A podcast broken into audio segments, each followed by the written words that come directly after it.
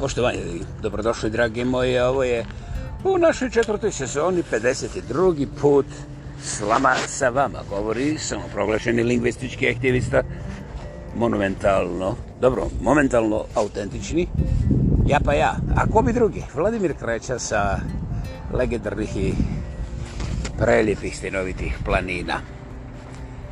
Šta kažeš? Pro sinac, znači to ti je profesionalac od sina. Dobro, dobro. De Kramri, De Kramri, De Kemri. Okej, okay. De Kniga Emri, mislim, nema problema. Uglavnom, ne treba vam prijevod, svi smo već negdje tu našiljeni na oblogavanje, obždarevanje i ostale intelektualne i sportske aktivnosti povodom proslave, to ti je također profesionalno. E, jedna jedina noć koja kao ono biva ludnica i tome dalje, Znate, sve to nije ni prevara, jer eh, mi živimo u apsolutnom ludilu i onda se uzbudžujemo oko jedne kao noći koja će biti kao ludara, ono, ne znam po kojem pitanju, jel? A, a šta kažeš?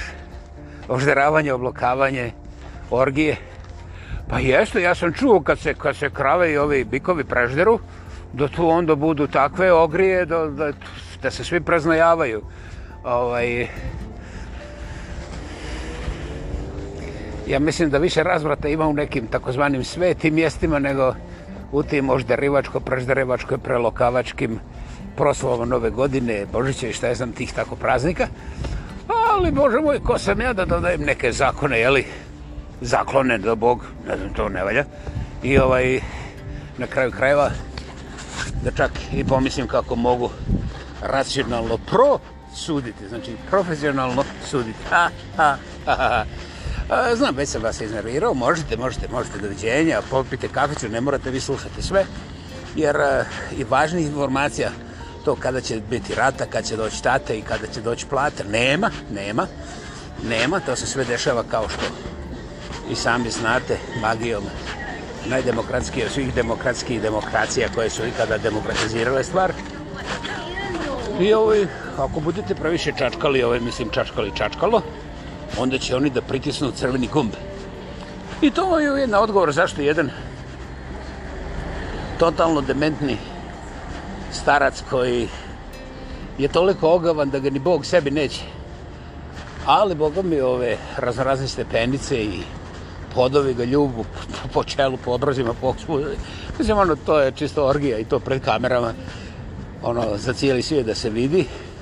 Čo, e, ne, ne morate pitati, vidjeli se, čovac se ne stidi. On se lijepo digne da bi imao razloga ponovo da ga krokne nazad. I on je vođa te najveće demokratske demokracije od svih demokracija koje je imao popriličnu batinu ovaj, s kojom možu, šta je znam, te neke raketle, pa onda podmurniće. I od toga, znaš, ono ne bi ja sad pričao, ili ispušće da znam. Thank you da znam nešto što ne bi trebao znati. O, ovdje je toplo. I ovaj... Takav deren određuje cijenu života. Znači, Bog se nikad nije oglasio koliko je život u novcima, čak ni u juanima. Ali u dolarima jeste. Mislim, nije Bog nego ovaj, mislim, ovaj demokrata što malo, malo poljubi podove, pa stepenice, pa onda na glavačke ulozi u vlastiti avion i tako dalje. Ovo ovaj, je... Dakle, kao što vidite, vaša koža je bezvrijedna, jer je, hm, naš, kaže mi, dobro upućena osoba, profesionalac, kao kaže, imao u jednoj državi, ali ne smijem ja da spominjem ime, ovaj, nevjerovatna kolekcija kože. Ne svinjske, nema ga reći, ljudske kože, jeste, dobro ste čuli. Jer ta ljudska koža je vrlo tražen materijal. No, traže se bubrezi, traže se sise da ne vise, traže se, mislim, su masa toga se traži. Mislim, ja nikad nisam pomirio, pomislio, da sa živom ljudskom kožom može da se napravi uhuhu, čak znam i brojku, ali neću. Neću opaliti, brojka je puno ozbiljnije nego što možete pomisliti, zamisliti ili čak nagađati. Nećemo oko toga. Međutim, ima jedna druga stvarčica s kojom bi ja rado se poigra, pa ću vam reći da nije ta kolekcija, znači taj tržni centar sa prodajem ljudske kože, žive ljudske kože, za sve potrebe. Može samo za kozmetiku, može za preživljavanje, o, može čisto i radi eksperimenata. Dakle, o čemu se radi? O trgovini, gospodo moja. Nevjerovatne trgovini.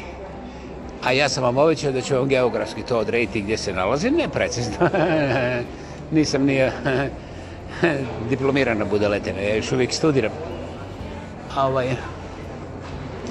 Dakle, sačekajte pa ću vam reći.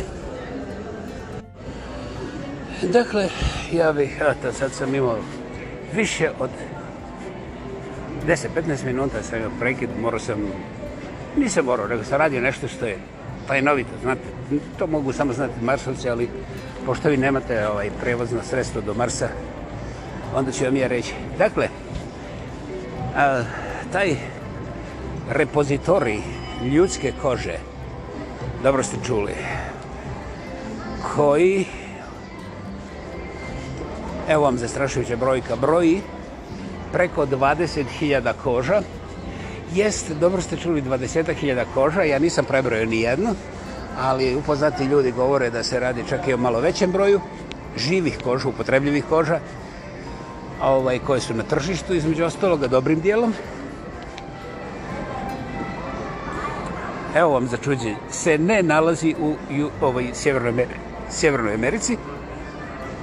Interesantno niti u Evropi, a još manje u ružnoj, glupoj Rusiji i Kini. Ostatak priče je možda previše, kako bi rekli ovdje kod mene, kao boj tači, pa ću ja to preskočiti. Međutim, razmišljajte. Razmišljajte razmišljajte ovaj, kako se nekome uzme koža, živa koža, zdrava koža, koža koja ide u prodaj, jer normalno, znači, bit će funkcionalno za nekoga. I zamislite onda koliki frižider treba za toliko kože i kako se to održava i onda transport, onda instalacija i znate, sada stvar postaje onda mučna. Međutim,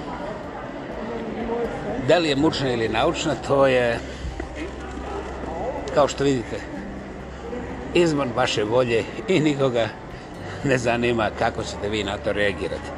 Zašto sam ovo rekao? Pa zato što u ovoj papazeni svih mogućih prava, poštivanja, zakona, zaštita i ho zna, brate, murate, čega već ne.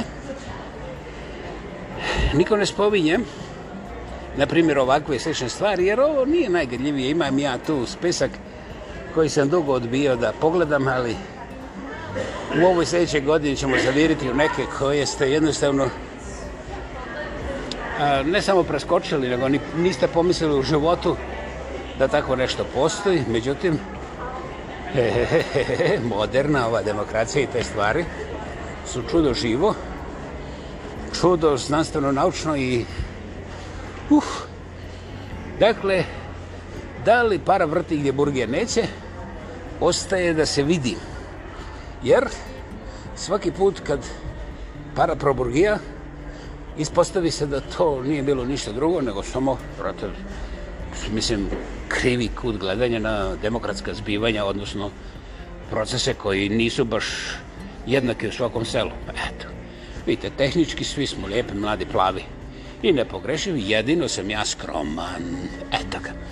Dakle, dragi moji, u ovo predbožišnje i prednovogodišnje večer, koji će još potrajati otprilike 15 do 17 puta, ja ću završiti ovaj naš 52. podcast, jer čini mi se da vam se ohladila kava, a vino nemojte kuhati.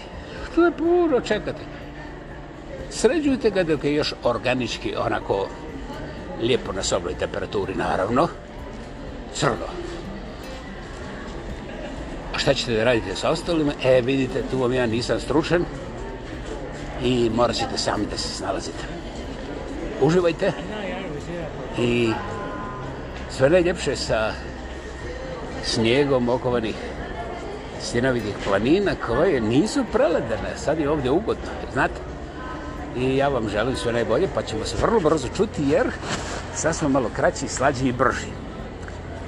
Neka vas u svakom potuze, na svakom koraku, bilo čemu i bilo gdje da ste pravi, prati sreća, zadovoljstvo, uspjeh i zdravlje, naravno pod blagoslovom našeg svevišćega. Govorio je u 52.